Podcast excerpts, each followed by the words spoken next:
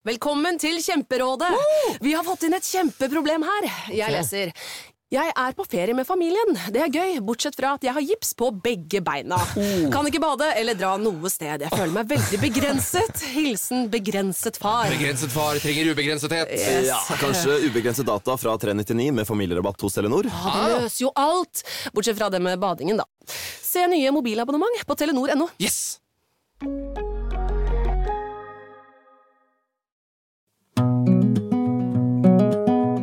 Alle har en syke, og jeg vil gjerne snakke om det. Det gjør jeg her, sammen med huspsykolog Magnus og en gjest. Dette er Pia på syke. Jeg merker nå når jeg skal begynne denne episoden, Magnus, at jeg legger stemmeleiet mitt lavt, og at jeg tenker å snakke rolig. Ja. Og så lurer jeg på, hvis jeg nå hadde bedt deg lukke øynene og tenke på en sommereng, om jeg kunne fått deg til å stå på ett ben og gale som en hane?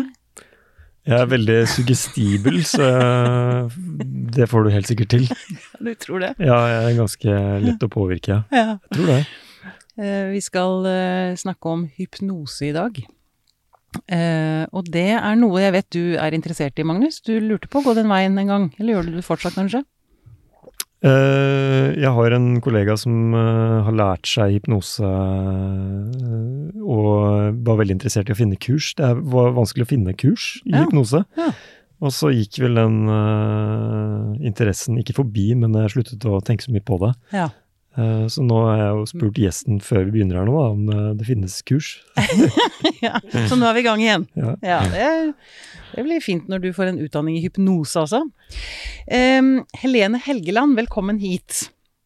Du eh, Skal vi se, nå skal jeg ta hele tittelen din. Ph.d. og spesialist i barne- og ungdomspsykiatri ved Avdeling for barn og unges psykiske helse på UiO. Nei, UiO. Oslo universitetssykehus. Ja. Eh, Og så leder du også Nasjonal kompetansetjeneste for komplekse psykosomatiske tilstander hos barn og unge. Ja, Ja. mange vanskelige ord. Mange vanskelige, ja. Lang, lange, vi er vant til lange, fine titler her, Ja. altså.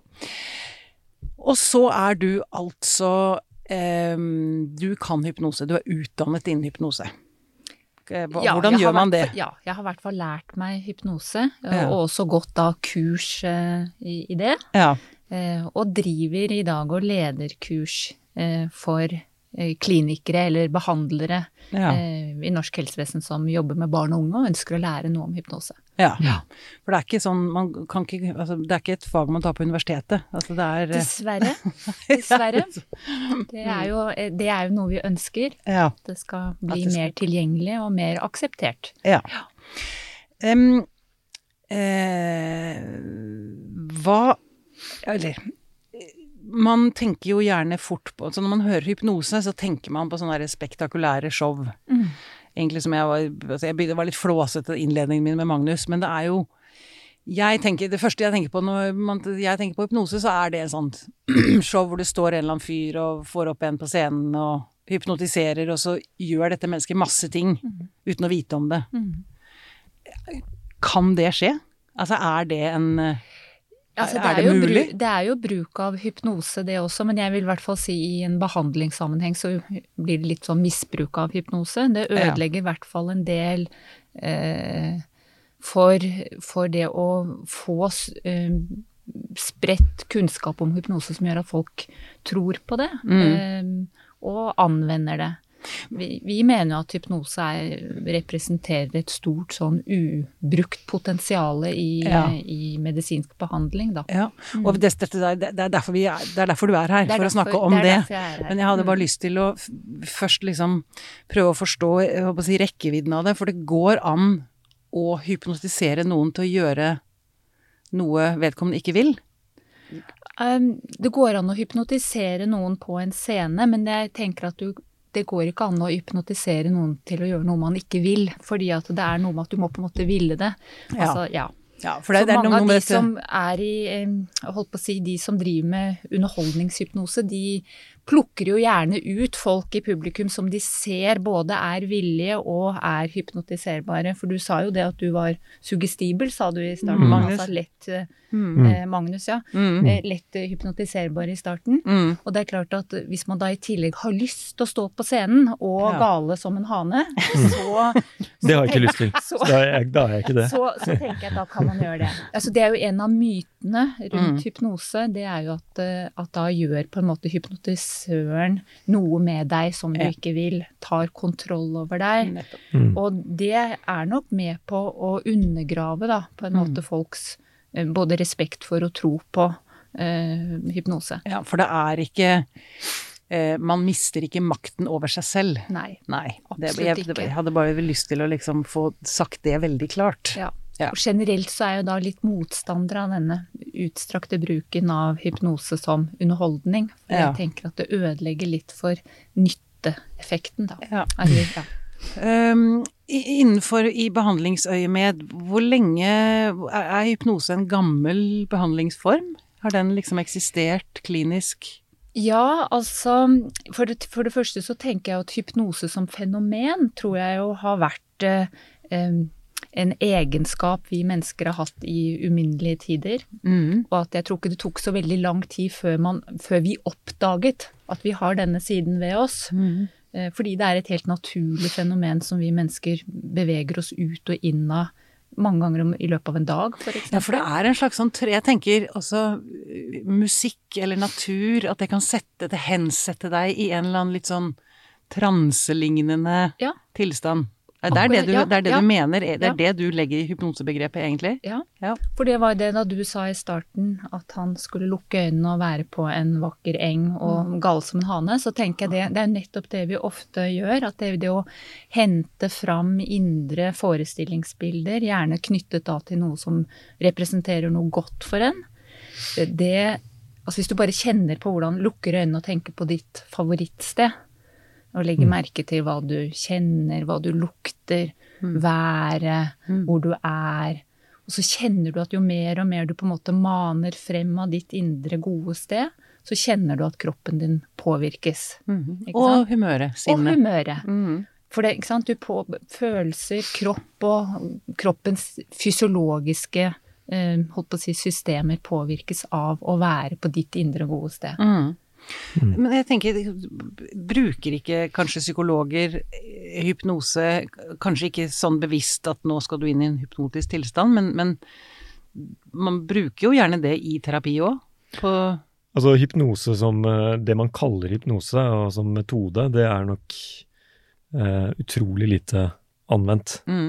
i, i dag blant eh, behandlere. Eh, nå er det sånn at ehm, det var ikke noen eh, del av studiet vårt hvor vi skulle lære hypnose f.eks. på profesjonsstudiet i psykologi, men eh, folk som holdt på å forske på det eh, den gang, da var det veldig med et spesifikt fokus på smertebehandling. Ja. Eh, fordi at eh, det var eh, veldig sånn etablert dette med at eh, man kunne få friske kontrollpersoner til å holde en hånd i isvann eh, mye lenger hvis de var under hypnose enn hvis ikke. Så det hadde en veldig sånn eh, forutsigbar effekt da, på å redusere, eller få folk til å holde ut smerte. Mm. Og det, så det, når jeg leste kronikken, så gjenkjente jeg det. Mm. Men så skjønner jeg at det er grunner til å bruke det i mye mer utstrakt grad enn hva vi gjør i dag. Ja, men jeg lurte på egentlig dette med mer det suggesive, altså at du kan vel også i terapi, jeg vet ikke om du gjør det, men, men en psykolog kan vel også si, invitere pasienten til å finne the happy place Ja. inni deg. Det var det Ja, jeg mente absolutt, egentlig. Ikke at du, absolutt. at du drev med hypnose, men, men at det, det, er vel, det er jo grader av dette også, på en eller annen måte. Mm. Og eh, fordi jeg ikke kan hypnose selv, så er jeg også veldig nysgjerrig på hvor nettopp de grenseoppgangene mellom det man gjør i dag, som er nettopp den type ting, og det man kaller for hypnose, da. Mm. Hvor de grenseoppgangene er. Ja. Og ja. For veldig mange av våre deltakere på eh, hypnoseutdanningen, eh, de, de i løpet av eh, ut, prosessen så erkjenner de på en måte at ja, men dette har jeg jo drevet med hele tiden. Mm. Ja. Og jeg husker etter den kronikken, så da vi skrev den i, i legetids... Ja, og bare si det, den sto i, I Tidsskrift for Den norske legeforening. nå for ikke så lenge siden. Ja, i vår en gang. Ja, i vår. Mm. Og, og da fikk jeg en e-post fra en eh, pensjoner, for lengst pensjonert psykiater, og han skrev at dette, eh, dette var jo gjenkjennbart, dette hadde han jo drevet med hele tiden, eh, men uten at han på en måte kalte det hypnose. Mm. Og jeg syns vi har jo barneleger sier det, psykologer Mm. på, på, sier det. Mm. Sånn at jeg tenker, jeg tror jo at em, måten å anvende hypnose på gjennom bruk av ord, kroppsspråk, holdning, det ligger ibakt i mange terapiformer. Mm. Eh, sånn at jeg tenker, og jeg tror, så noen terapiformer kan du lære, mens jeg tenker bare det å være en behandler, så tror jeg mange intuitivt Mm. anlegger noen av de hypnotiske strategiene eller teknikkene, da. Ja. Mm. Men for å da trekke, gå videre på det Magnus lurte på, hvor er grenseoppgangen? Altså, når kaller man det hypnose? Hva, hva, hva skjer eh, hvis, man, hvis jeg kommer til deg som klient eller pasient? Hvor, hvordan Ja, fordi altså, jeg skiller jo litt mellom hypnose som fenomen, altså Mm. det at mennesker kan gå inn og ut av en hypnotisk tilstand, eller transe, kaller vi det. Mm. Og bare for å si litt hva transe er, så eh, tenker man seg at da er man spesielt fokusert. Eh, altså oppmerksomheten er spesielt fokusert om noe viktig. Og så er på en måte man mindre opptatt av eh, ting som skjer rundt en. Mm. Og så kan man rette oppmerksomheten mot øh, og, og i den tilstanden, for å si det sånn, så er man øh, mer øh, mer motta... Nå kommer Mer, jeg mer til åpen? Ja, mer åpen for, for, endringsprosess, Mm. egentlig. Øh, og dette, jeg holdt på å si, det at vi erfarer dette mange ganger i løpet av en dag, altså det å sitte på bussen og drive med dagdrømmeri, er jo en slags transetilstand. Mm. Eller det å bli oppslukt av en god bok. bok. -hmm. Eller, og ikke minst hvis man ser på barn som går helt opp i lek, så går jo de inn i en slik transetilstand. Mhm. Sånn at dette tenker jeg er dette er en evne eller en egenskap som vi mennesker er utrustet med, og sikkert av en, av en grunn. Det er sikkert en god grunn for det. Ja. Mm. Men jeg, jeg tenker en sånn transelignende tilstand, det er en sånn eh, eh, form for hvile. Ja. Uten søvn, tenker jeg. At det er en sånn pausemodus. Ja, det kan du godt si, for i en sånn dagdrømmemodus så er jo på en måte tanken eller sinnet fritt, da. Altså at det Mm. vandrer litt rundt, frem i tid, bak i tid, ved Mm. Ja. Mm. Så det kan du mm. Ja. Mm. Og igjen så mm. Mens i terapi, altså hvis du snakker om da klinisk hypnose eller hypnoterapi, så er jo det en Altså da anvender du hypnose i en behandlingsrelasjon, altså eh, hvor det er pasient og behandler, Mm. og hvor, hvor, man, hvor målet er å jobbe med noe som et, pasienten strever med. Det kan være et symptom, eh, og ikke minst da muligheten til å oppleve økt mestring og kontroll i en situasjon, eller kontroll av et sy- eh, symptom. Mm. Og dette brukes ikke bare mot psykiske plager, men også fysiske. Absolutt. for dere er opptatt av at dette, denne, altså denne grensen som veldig mange tenker, altså kropp er én ting, og sinn er en annen ting. Det mener ikke dere. Nei. Du, Nei. eller dere, sier jeg som Det, dere, og det tenker jeg, det er jo et veldig utdatert virkelighetsbilde, ikke sant. Ja. Det er én Mm. vi, vi, er- vi er ett menneske, én person. Og det er Mm. klart at kropp og sinn er vevet inn i hverandre. Mm. Og det erfarer man jo mange ganger. Altså at, altså når, man, når vi blir redde, så kjenner vi det jo i magen, eller vi kan kjenne det i muskulaturen, at vi blir stive. Mm. Altså at vi- i pusten. Ja, i Mm. pusten i alt sånt. Mm. Det, disse tingene er så veldig intrikat vevet i hverandre. Og det er jo nettopp det jeg tenker vi utnytter litt i hypnose. At vi har så mange innganger til, Mm. til det å jobbe med personen. Altså vi kan bruke fantasi og forestillingsbilder, sånn som du gjorde innledningsvis. Det å Mm. hente fram sitt indre gode sted, og så kan du faktisk påvirke pust og hjertefrekvens, eller du kan fylle deg selv med ro. Mm. Så det å jobbe med angsttilstander eller andre skumle tilstander, det å ta sprøyte, blodprøve, Mm. eh, andre eh, fobier, redd for å presentere i klassen. Men det var også somatiske sykdommer som I, og det, sånn som du nevnte, Magnus, dette med smerte. Det var jo sånn jeg oppdaget uh, hypnose egentlig. Det var jo at jeg begynte å interessere meg for barn med holdt på å si vanlige mageplager. Eh, Sånne som du ikke skal ta medisiner for eller opereres for. Men og så, jeg, så skjønte jeg ganske fort at det, det var faktisk var dokumentert effektiv behandling i form av hypnose. Ja. Og da ble jeg jo veldig, veldig nysgjerrig. Mm. Og, og det var det som på en måte startet dette. Og det vet vi jo i dag, at, at når det gjelder langvarige smertetilstander, så er det ganske god dokumentasjon gjennom forskning på at hypnose er effektiv og trygg behandling, ikke minst. Ja. Mm. og- og dere vil at flere skal anerkjenne dette som et, et, vir, altså et virksomt terapeutisk en metode. Ja. For det, er- er det sånn at det fortsatt er veldig, veldig mange som ikke gjør det?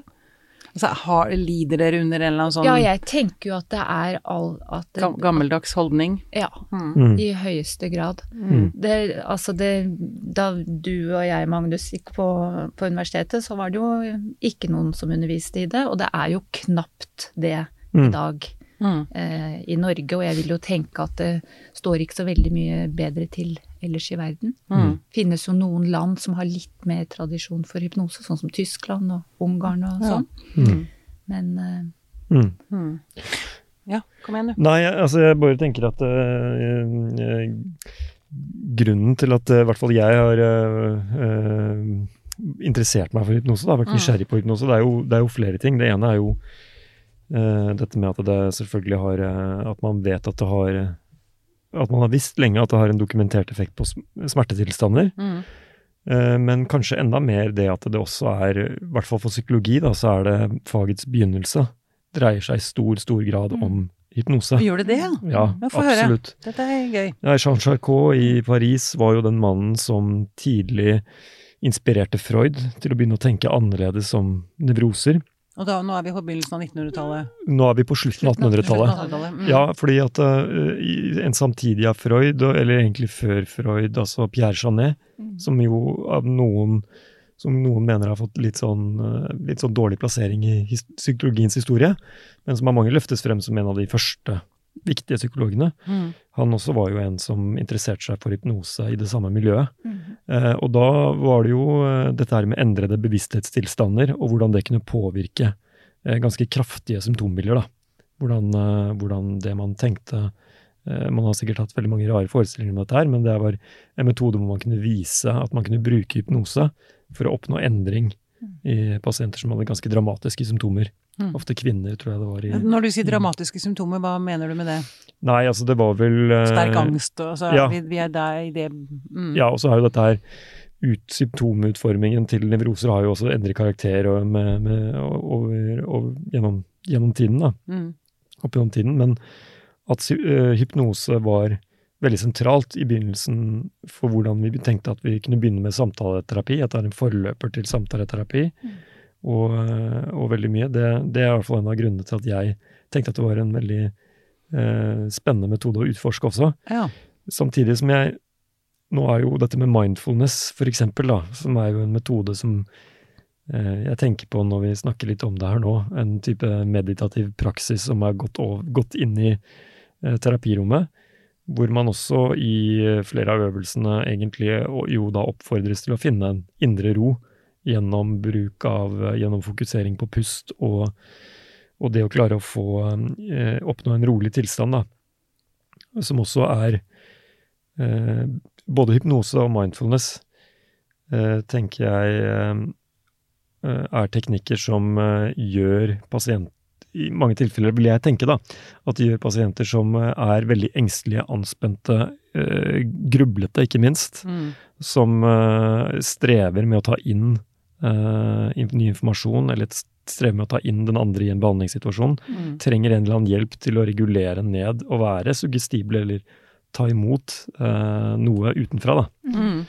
For det er nettopp det jeg tenker Det syns jeg var et stikkord, med det å ta imot noe. Fordi at det å Jeg tror det er en forskjell mellom hypnose og mindfulness. Det går jo på at um, em, jeg, å- Hvis jeg skulle si litt sånn konkret, vi snakker om at når man er i altså selve altså hypnoterapi, så kan du tenke deg at det å bringe folk inn i transe, da kommer man i en tilstand som er ekstra gunstig eh, for endringsarbeid, fordi du på en måte vender oppmerksomheten din innover, du kommer i kontakt med kropp og følelser, og kan på en måte påvirke eh, kroppen din. Rett og slett lære å ta kontroll, lære selvregulering, lære å endre deg i ønsket retning.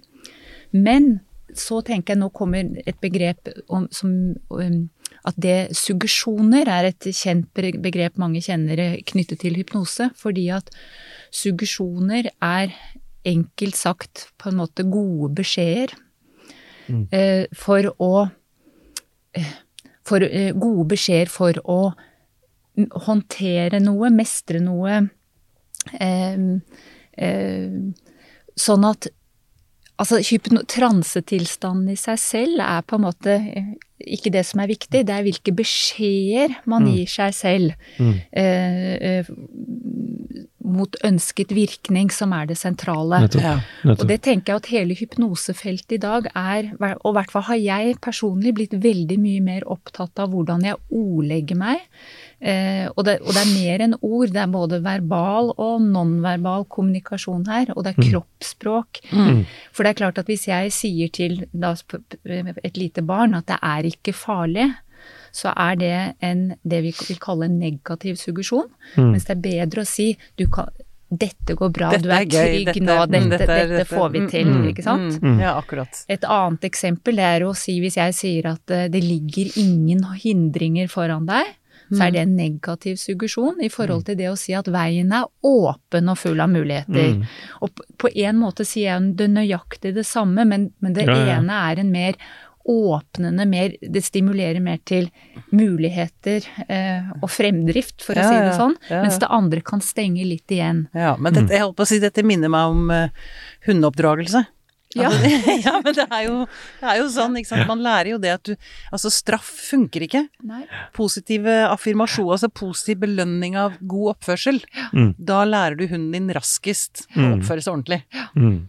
Så, mm. Det er jo noe av det samme Ja. mm. Og så tenker jeg, jeg tenker jo ofte at noen ganger når jeg tenker på mennesker jeg omgås, noen Mm. ganger så har jeg sånne mennesker som jeg syns det er så hyggelig å møte. Fordi at når jeg møter dem, så, så merker jeg det inni meg. Altså jeg merker at jeg blir glad, jeg merker at jeg slapper av. Det, ikke sant? Mens, no, mens andre jeg møter, kan, kan jeg bli mer anspent og urolig. Og, og hvis man tenker litt på det, så, så tror jeg at noen ganger handler det om at vi mennesker, vi strør om oss med uh, ulike typer beskjeder, eh, mer eller mindre positive eller negative. Og de påvirker vi, Altså, vi påvirker hverandre. hverandre. Mm. En ting som jeg bare også har lyst til å Du, du snakket om mm, eh, folk som er anspent og angst og sånn, eh, Magnus. Mm, Det jeg leste eller har tenkt, det husker jeg ikke, men eh, hvis man er fastlåst i negative tankemønstre, så tenker jeg hypnose høres ut som det kan være en, Det er det, det, er en, en måte å, å, å reprogrammere mm. dårlige plater som man har satt på, som man har fått hakk i. Parallelt til et annet program du har hatt der egentlig også, for jeg tror Ivar, da, Ivar Gokser da han var her, snakket om psykedelika, snakket Ja. om de samme prinsippene, selv om det er noe helt annet. da. Mm. Eh, At man eh, handler om å oppnå en, tils oppnå en tilstand hvor eh, det å få til en endring eh, blir, eh, blir Altså det åpner en, en mulighet for å få oppnå en endring. Mm. Ved at man blir satt i en, satt i en tilstand hvor det, det med endring blir mulig. Mm. Hvor man kan rett og slett få eh, noe til. Og det er nettopp den eh, Det som gjør at det intuitivt i terapi virker veldig fornuftig med veldig mange pasienter. Å ha et eller annet verktøy for å klare å hjelpe til eh, å, å komme i den modusen. Da. At man klarer å ta imot noe som gjør at man uh, gjør ny oppdagelse innover, Mm. og, og klarer å åpne opp mer. Mm. Uh, og, og komme, komme noe videre. Mm. Og da er det jo uh, Tenkte jeg litt på det der når du sa det der med angst og eh, tenk, grubling. Mm. At nettopp det er det de Med, med de eh, midlene som de, den psykedeliske terapien, så er det det de finner. At rigiditet, rigiditet i tankemønstre Nettopp. eh, og, og grubling og overtenkning, det er det de klarer lykkes med å behandle. Tvang, avhengighet, Mm. den type ting. Mm. Men dette er, klar, det- dette er klare paralleller til den transetilstanden, Mm. tenker jeg, eller hypnosetilstanden. Og, og for det, fordi at jeg tenker, og da jeg sa innledningsvis at jeg tenker denne egenskapen, den er, siden vi har utviklet den så, så godt, så tenker jeg at den er der sikkert av en grunn. Altså det er sikkert noe, det er sikkert noe eksistensfremmende, tenker jeg, ved at vi kan gå inn og ut av hypnose. Og, og nettopp kanskje det å skulle endre negative tankemønstre, ne endre, ha mulighet til å endre og tilpasse oss omgivelsene, det er jo egentlig helt nødvendig for at vi skal overleve. Sånn at eh, vi må hele tiden kunne være plastiske på en måte. Mm. Mm. Um, så, så det kan være noe av eh, grunnen til at dette er så velutviklet hos mennesket, Ja. kanskje. Mm.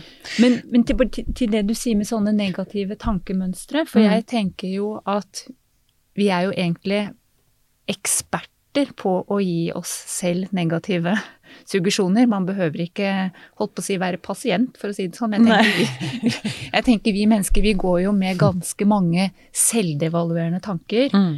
Eh, dette får jeg ikke til, eller eh, Jeg er ikke god nok ikke god denne- nok, er eller pen nok, nok, eller sterk nok, Mm. eller ikke sånn. Mm. Og det blir sånne små nisser som, Mm. og mantraer som blir en selvoppfyllende profeti. Mm.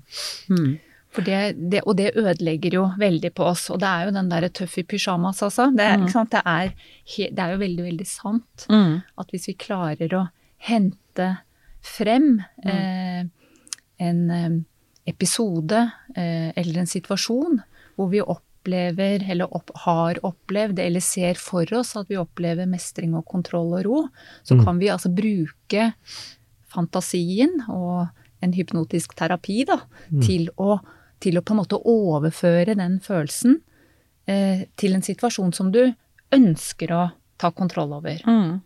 Mm. Og man behøver ikke gå i terapi for å gjøre det. Man kan jo jobbe med disse tingene selv. Selv. Ja. Ja. Mm. Jeg, nå minner meg på, jeg husker jeg hørte en historie, jeg husker ikke hvem kunstneren var, men det var en eller annen britisk kunstner som skulle ha en stor um, vernissasje, som hun, hun var så utrolig nervøs foran denne vernissasjen. Og så- men det hun gjorde før hun gikk inn, det var at hun lot som hun var Gwyneth Paltrow. Ja. Og da seilte hun gjennom hele. Hun bare tok på seg liksom Jeg vet ikke hvorfor hun valgte akkurat Gwyneth Paltrow, det ville ikke jeg gjort, men Men det er jo egentlig en slags selvhypnose. Late som man er en annen, altså ta på seg en ham. Men ja, det er kanskje ikke helt det samme, men Men det jeg lurer på er eh, eh, når man går til hypnose igjen for å kanskje møte noen eh, fordommer, er det sånn at man liksom jeg ser for meg at man ligger på en seng, og så sitter du over med en pendel, og så er du sånn Nå skal du synke inn, og nå sover du, kjenn hvordan kroppen blir slapp. Er det sånn? Um, ikke, ikke akkurat sånn, nei. Fokuser er på ikke penn, det er pendelen. bestefarklokke. Det er sånn, Bestefarklokke, eh, ja. Det, det som um, Altså, det vi kan skille Altså tradi tradisjonell hypnose, da. Da var det mye mer av at en hypnotisør eller en behandler Mm. hjalp pasienten inn i hypnose ved bruk av f.eks. sånn øyefiksering. At du Mm. har pendelen eller et punkt du stirrer på. Mm. Eh, Og da hjelper du pasienten inn i en transetilstand. Mm. Og så kan du på en måte, så kunne, så kunne kan terapeuten da gi suggesjoner om symptomlette, symptomkontroll, angstreduksjon angstreduksjon osv. Mm. Um, og jeg har drevet mye med den, den tradisjonelle formen, for det var sånn jeg, lær, det var sånn jeg lærte hypnose. Ja. Uh, og tenkte jeg, det, altså det er bare ti år siden, så var, var det å Sånn at, um, at jeg jobbet med barn. altså Vi tegnet smilefjes på tommeltottneglen deres f.eks., og så fikserte det. Så så de hardt på den, mens jeg ja. på en måte ba dem ga, Kunne gi instruksjoner om at de skulle kjenne at kroppen ble god og rolig, og, og, ja, og så kunne de hente frem et indre fantasibilde. Mm. Og så jobbet vi litt med smertekontroll. Det kunne være Da hadde jeg avtalt på forhånd med barnet at, at når de var på sitt gode sted, så kunne de holdt på å si, sette, på, eh, sette seg på en stein og ta frem fjernkontrollen. Og så kunne den, den fjernkontrollen, det var altså en smertekontroll. Mm. Og så kunne de i fantasien øve seg på å skru opp og ned Ah, den smertekontrollen. Ja. Og så kunne de kjenne på det i kroppen, og så kunne vi snakke om det. Og da, da øver du jo på å gå opp nye spor som handler om å mestre et symptom. Men da, så dette var den litt mer tradisjonelle hypnosen. Mm. Og i dag så har man gått på holdt på å si, Fagfeltet er til dels litt delt på dette, men man har blitt mer opptatt av det som kalles naturlig hypnose. Det at du bruker altså hypnotiske teknikker og ferdigheter inn i den naturlige samtalen, altså i møte med pasienter. Og grunnen til at man har blitt så opptatt av det, det er at man tenker seg at når mennesker kommer inn på legekontoret, når de skal ta en blodprøve, når de legges inn på sykehuset, så er de allerede i transe. De trenger ikke noe pendel eller noe punkt. for å- Hvorfor er de i transe når de legges inn? jo, fordi man tenker seg at det å være i en Hvis du tenker at hypnose er et naturlig fenomen som vi Mm. går ut og inn av, så tenker man seg at det å være i en ny situasjon, som kanskje kan være litt skummel, eller som er litt viktig for en, Mm. det gjør at vi får en innsnevret oppmerksomhet Ja. for det som er viktig, Ja. mens oppmerksomheten for det som er rundt, blir redusert. Mm. Ergo, på en måte, så er du da i transe, så hvorfor drive da med disse ritualene? Mm. Da kan du jo bare begynne å gi gode suggesjoner, da. ja. Mm. Og det, og det altså for, Jeg synes jo at det For det første så kjenner jeg dette, dette syns jeg på en måte jeg intuitivt har erfart selv. Altså hvis jeg har vært i skumle, nye, fremmede situasjoner. Ja, det er som om altså, man blir veldig fokusert på seg selv, man blir veldig intens Ja. til stede i, i følelsen sin, egentlig. Um, Mm. Så, så, det, derfor, så det er den ene biten, men det som gjør at jeg syns at dette er så, så veldig viktig, er jo tenk alle de menneskene som går til en lege eller en psykolog eller til en bioingeniør for å ta blodprøver hver eneste dag, og som på en måte er i transe. Eh, Så betyr det jo at For jeg snakket om gode beskjeder. Man kan jo også motta dårlige beskjeder. mm. Mm. Og dårlig beskjed betyr ikke bare en dårlig beskjed om en helsetilstand. Men jeg tenker hvis man ja, altså Siden jeg jobber med barn som har tilsynelatende uforklarlige symptomer, da, altså at de har hodepine eller magesmerter uten at man ordentlig finner en kjent sykdom, så hvis legen da sier at nei, vi finner ingenting, eller dette er det ikke noe forklaring på, eller Så Så det er din skyld, eller da du må altså det, det kan jo det, det kan jo Så tenker jeg at det er en ehm, det kan, det kan lett oppfattes som en avvisning eller manglende Det ikke, at du ikke blir trodd eller tatt på alvor. mm. Og det tenker jeg gjør noe med hvordan du da bærer med deg plagene dine videre. Og jeg møter jo veldig, veldig mange familier og barn og ungdommer som har blitt avvist eh, av, hel i, av helsepersonell, eh, dessverre, Mm. og fått negative beskjeder. Mm. Mm. Eh, og det, sånn at man skammer seg eh, over symptomet sitt, Mm. eller med at man føler faktisk at når man ikke blir trodd, så tenker jeg det er en så eh, Diskreditert. Altså, Ja, man blir jo Det skaper så sterke følelser, Ja. og jeg tenker at det kan bidra til å faktisk forverre symptomene og plagene som personen har, da. mm. Mm. Så det at helsepersonell er bevisst på måten de snakker i møte med, med, med andre mennesker, Mm. det, det, det tror jeg på en måte eh, det, det, det trenger man å få Ja. bli, bli gjort mer oppmerksom på, og, og så er det øvelse. Eh, Jeg merker jo selv ofte, eh, og holdt på å si stadig vekk, jeg blitt det jeg syns jeg har blitt bedre på i løpet av disse årene her, det er at jeg i hvert fall kan høre når jeg gir en dårlig, dårlig beskjed. Ja. Ikke sant? Sånn at jeg Du tar deg i det? Ja, jeg, kan, Mm. jeg kan i hvert fall liksom stoppe meg. Mm. Jeg har nok blitt bedre på å gi gode suggesjoner også, men, men jeg, jeg hører også veldig raskt hvis jeg sier noe som klinger veldig dårlig, og så Ja. har jeg liksom begynt å øve meg på å stoppe og si at nei, dette ble jo feil, og så Ja. Så- reformulere. Får du, får du noen sånne aha-opplevelser nå, Magnus, med din terapi? At Ja, du sitter og tenker at eh, oi, oi, oi, nå må jeg Ja, jeg syns det er veldig øh, Tillegger jo formuleringer veldig mye vekt, da. På en måte Mm. som jeg syns er veldig forfriskende å høre i dette perspektivet her, med hypnose. Mm. Så jeg bare noterer. Jeg synes det er fint å høre på. Velkommen til Kjemperådet! Hey! Vi har fått inn et kjempenytt problem fra en mor. Jeg leser. Yes. Hei, jeg har en datter på 11 år som vurderer å slutte med orientering. Hun elsker jo å løpe, men finner aldri veien. Og jeg må sitte så lenge i bilen og vente. tricky. Ja, men ja dette her har jeg opplevd selv, faktisk. Og løsningen for meg ble da Maps på mobilen. Ja, hun er jo under 13 år. Da får hun 5 gigabyte data for bare 149 kroner med Telenor. Oi. Hun bør jo sjekke ut nye mobilabonnement på telenor.no, da. Yes! Nå er det maifest i Kiwi. Det feirer vi med å presse prisene på frukt og grønt, reker, wienerpølser og mye annet. På 250 gram Ali filtermalt kaffe presser vi prisen fra 38,40 helt ned til 27,90. På seks stykk First Price kronis med jordbær eller sjokolade presser vi prisen fra 33,40 helt ned til 19,90. Og på seks ganger halvannen liter Coca-Cola Zero setter vi prisen til 79 pluss pant. For det er vi som er prispresserne. Og vi i Kiwi gir oss aldri på pris. Men du, jeg jeg har lyst til å gå litt grann den, Denne kronikken eh, er jo skrevet eh, til fagfolk, mm. og ikke til meg. Mm. den, det, var, det var mange fancy uttrykk mm. og ord, Mm. fremmedord, i den. Men um, bare for å, Jeg skal bare lese litt. Undersøkelser med funksjonell MR av personer i transe viser aktivitetsendringer i alle de tre kortikale nevrale hovednettverkene. Kan du bare Nå prøver jeg å få- få essensen av hva dere sier i denne kronikken. Hva, hva, hva er de tre kortikale nevrale hovednettverkene?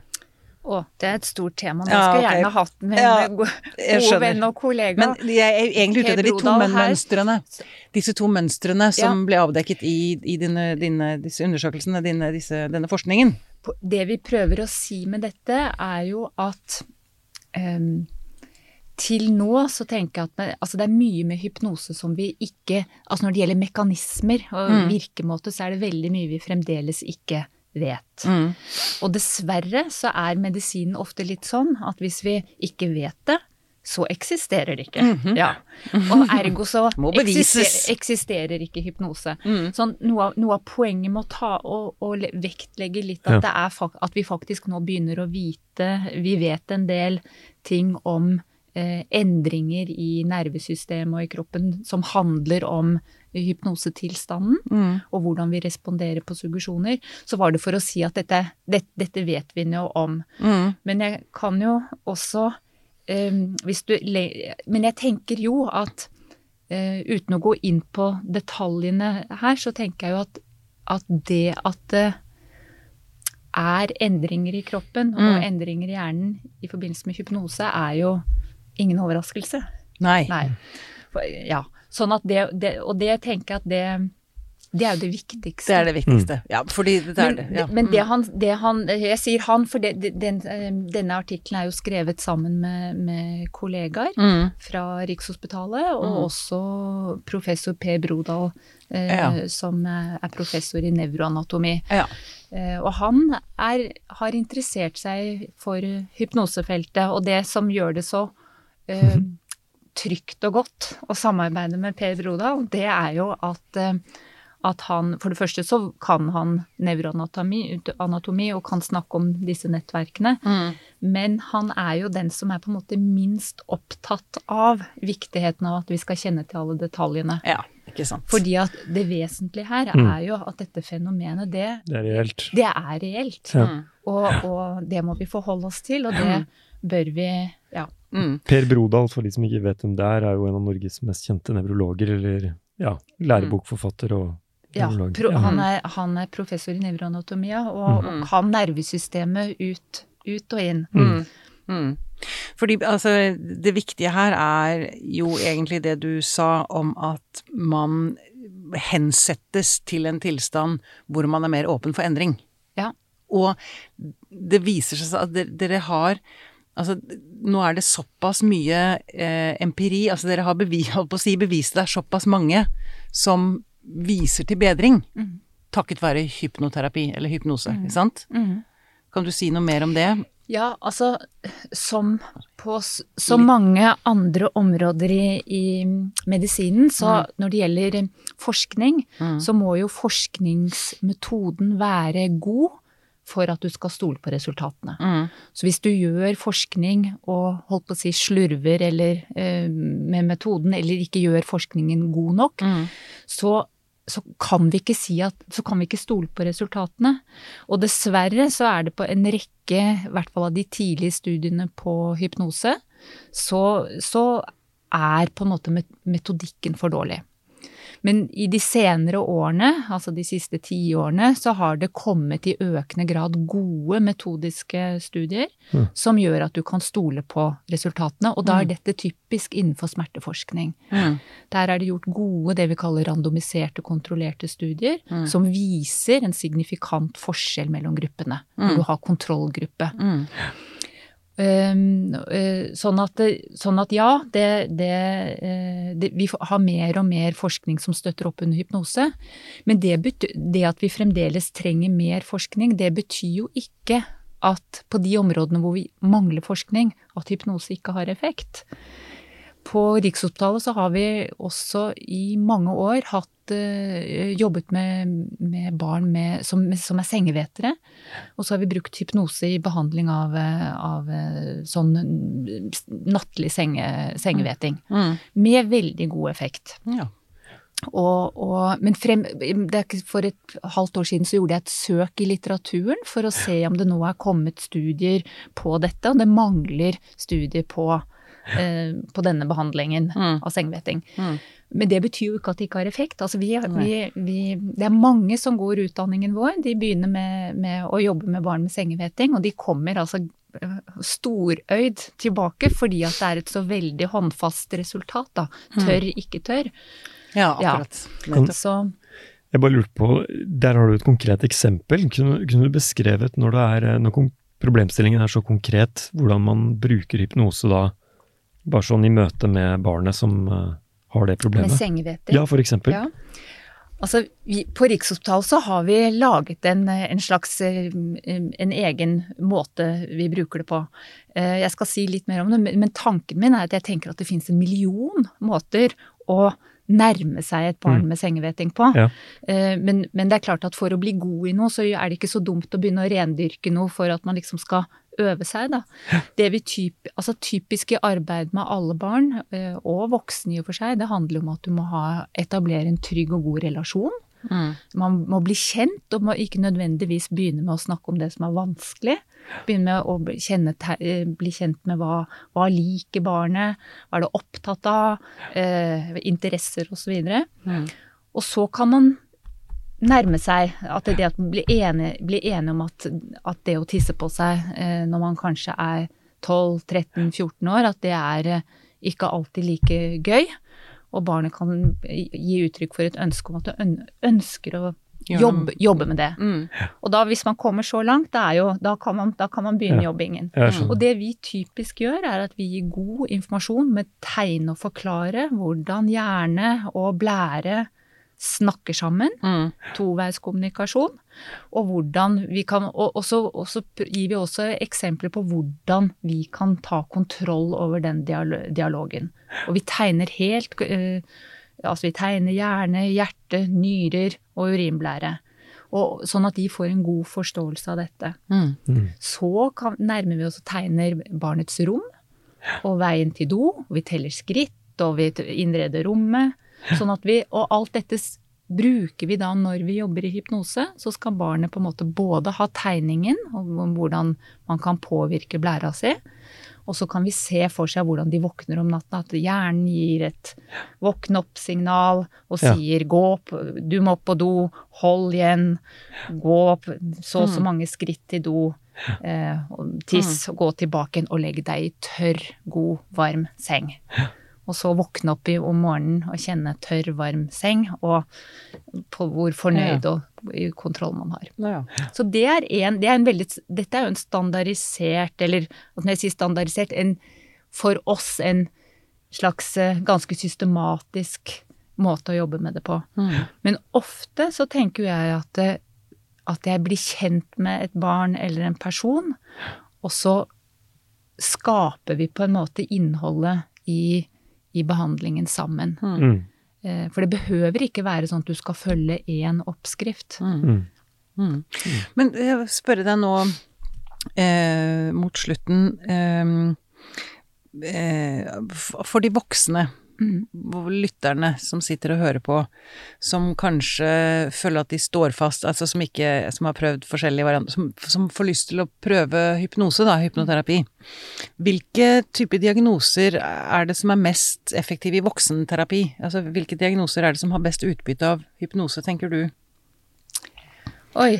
Eh, Ikke diagnoser nødvendigvis, men, men Nei, for, vi, var, vi var jo inne på det med grubling og sånn, men eh, Altså, jeg tenker at det er veldig mye du kan bruke hyp eh, hypnose eh, til, Mm. fordi at jeg tenker at um, um, Ja, så jeg kan så, per, jeg, La meg heller si det sånn, da, at personlig så har jeg brukt da mye, mye hypnose til smerter, og i angsttilstander også. Eh, og spesielt, for jeg tenker at nettopp den erfaringen at angst handler jo om å regulere seg ned, kjenne, kjenne at du roer ned kroppen. Så det har jeg veldig god erfaring med. Men jeg tror egentlig at, at hypnose kan brukes på Kan integreres i behandling av veldig mange andre tilstander. Og at det, det, det jeg er mest opptatt av, er at det skal være en trygg og god behandlingsrelasjon. Ja. For dette er en behandling, og du eh, kan komme bort i te til vanskelige temaer som gjør at eh, personen som, som er i terapi, trenger oppfølging eh, når vanskelige temaer kommer opp, f.eks. mm. Men er det sånn at det er vel forskjell på folk, altså hvis man er en kontrollfrik, Mm. så er det vel vanskeligere å eh, slippe taket og bli hypnotisert, da, eller komme i transe, enn om man er mer åpen og Mm. Hvordan vet man om man liksom er tilgjengelig for hypnose, tenker du? Ofte så Altså, jeg har jo eh, av og til fått barn som på en måte har blitt brakt til kontoret for behandling. Og da er det klart at hvis ikke Slept ja, til så hvis det er mor eller far som ønsker, eller skolen som ønsker Mm. at eh, barnet skal endre seg, og at, eh, at barnet eller ungdommen selv ikke har det behovet, Mm. så merker jeg jo det veldig fort. Mm.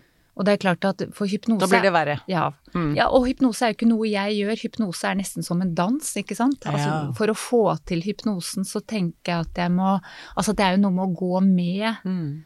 Gå, gå med personen eller, eller pasienten. Mm. Det er jo ikke noe jeg gjør med pasienten, det er noe med, vi, på en måte skaper og gjør sammen. Mm. Um, så det er jo ikke mine interesser eller mitt gode sted jeg bruker når jeg jobber med Nei. andre mennesker. Det er jo å bli kjent med deres ressurser og Det er det samme deres samarbeid her. ja. Og, ja. ja. Mm. Mm. En tøysete liten ting jeg bare som jeg kom på eh, En sånn hypnoseting som jeg har fra populærkulturen, eh, nemlig Chandler i Friends.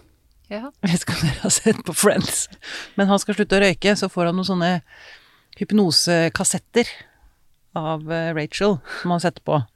Som han ligger og hører på om natta mens han sover, for å slutte å røyke. Og han slutter å røyke, men problemet er at disse kassettene henvender seg til en kvinne.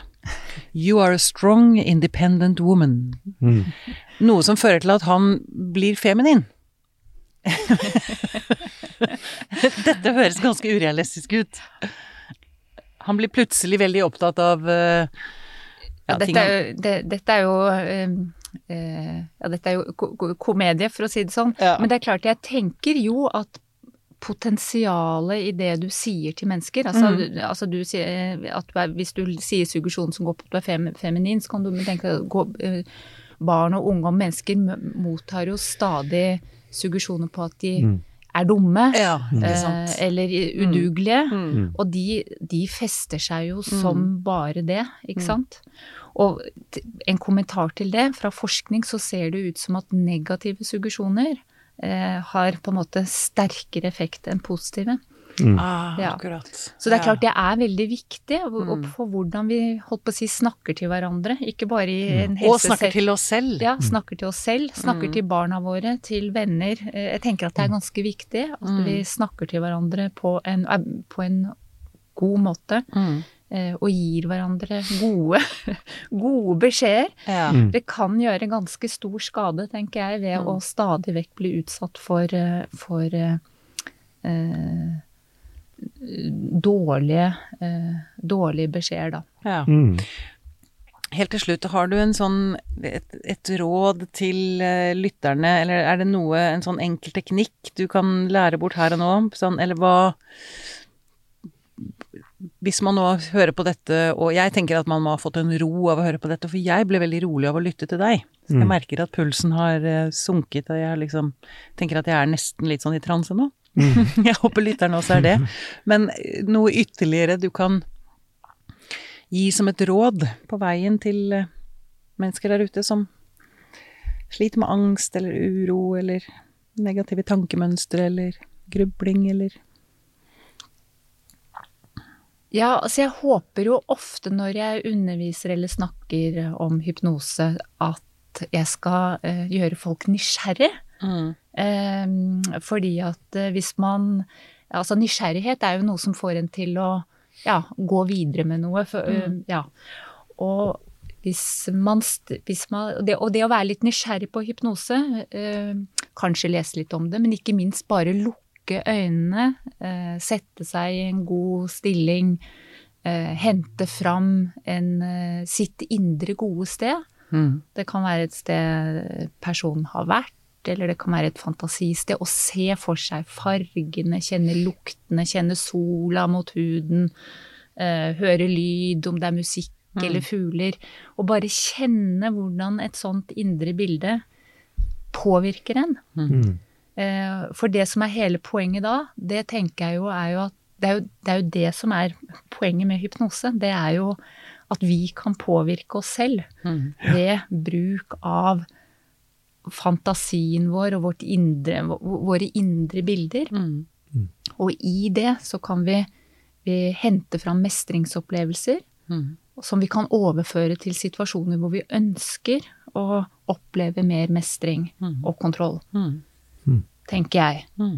Og det, og, men det er jo sånn at, så er det sånn at øvelse gjør mester, så det å liksom tørre å gjøre det, og ikke bare tenke, tenke på det sånn intellektuelt med tankene sine, men faktisk kjenne hvordan dette gå kjennes ut. Mm.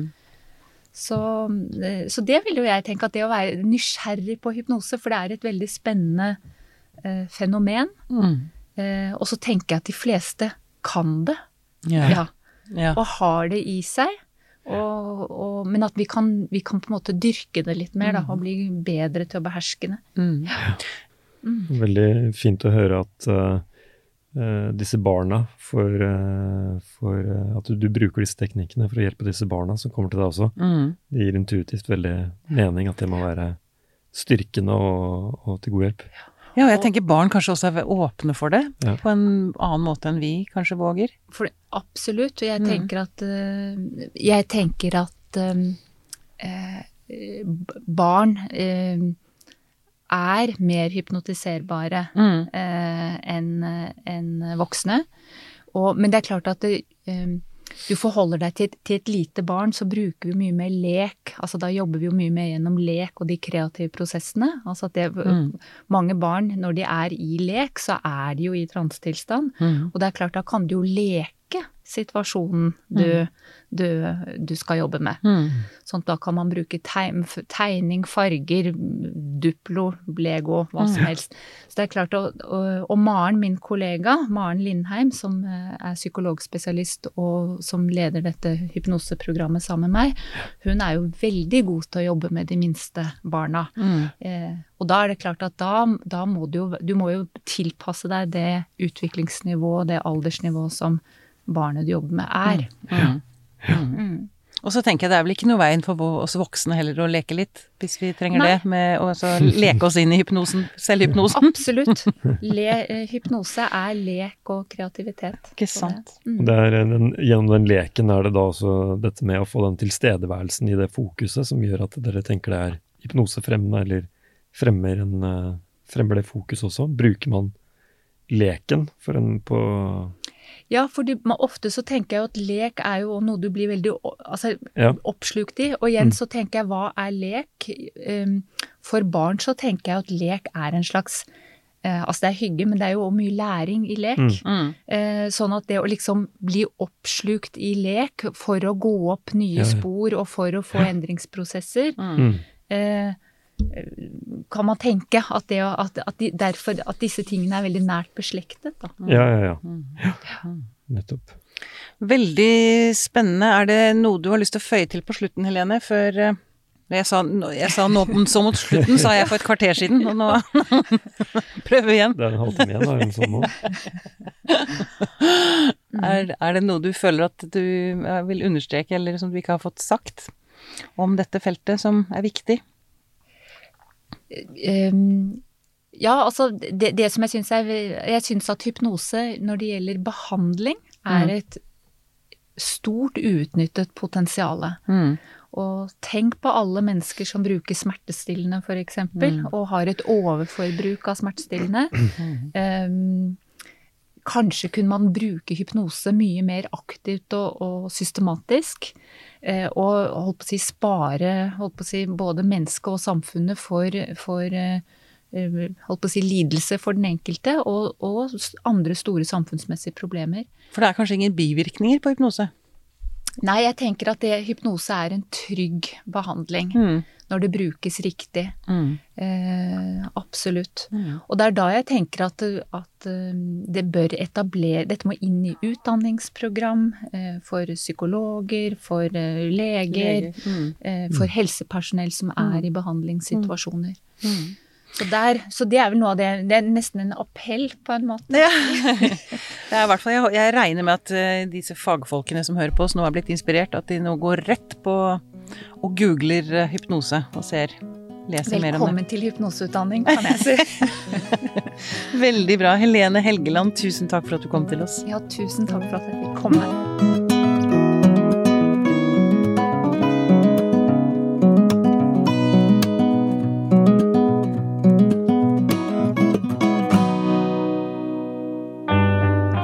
Podkasten er produsert av Tid og list! Med støtte fra stiftelsen Kåre Berg. Velkommen til Kjemperådet! Vi har fått inn et kjempeproblem her. Jeg leser. Jeg er på ferie med familien. Det er gøy, bortsett fra at jeg har gips på begge beina. Kan ikke bade eller dra noe sted. Jeg føler meg veldig begrenset. Hilsen begrenset far. Begrenset far trenger ubegrensethet. Yes. Ja, kanskje ubegrenset data fra 399 med familierabatt hos Telenor? Ja, det løser jo alt! Bortsett fra det med badingen, da. Se nye mobilabonnement på telenor.no. Yes!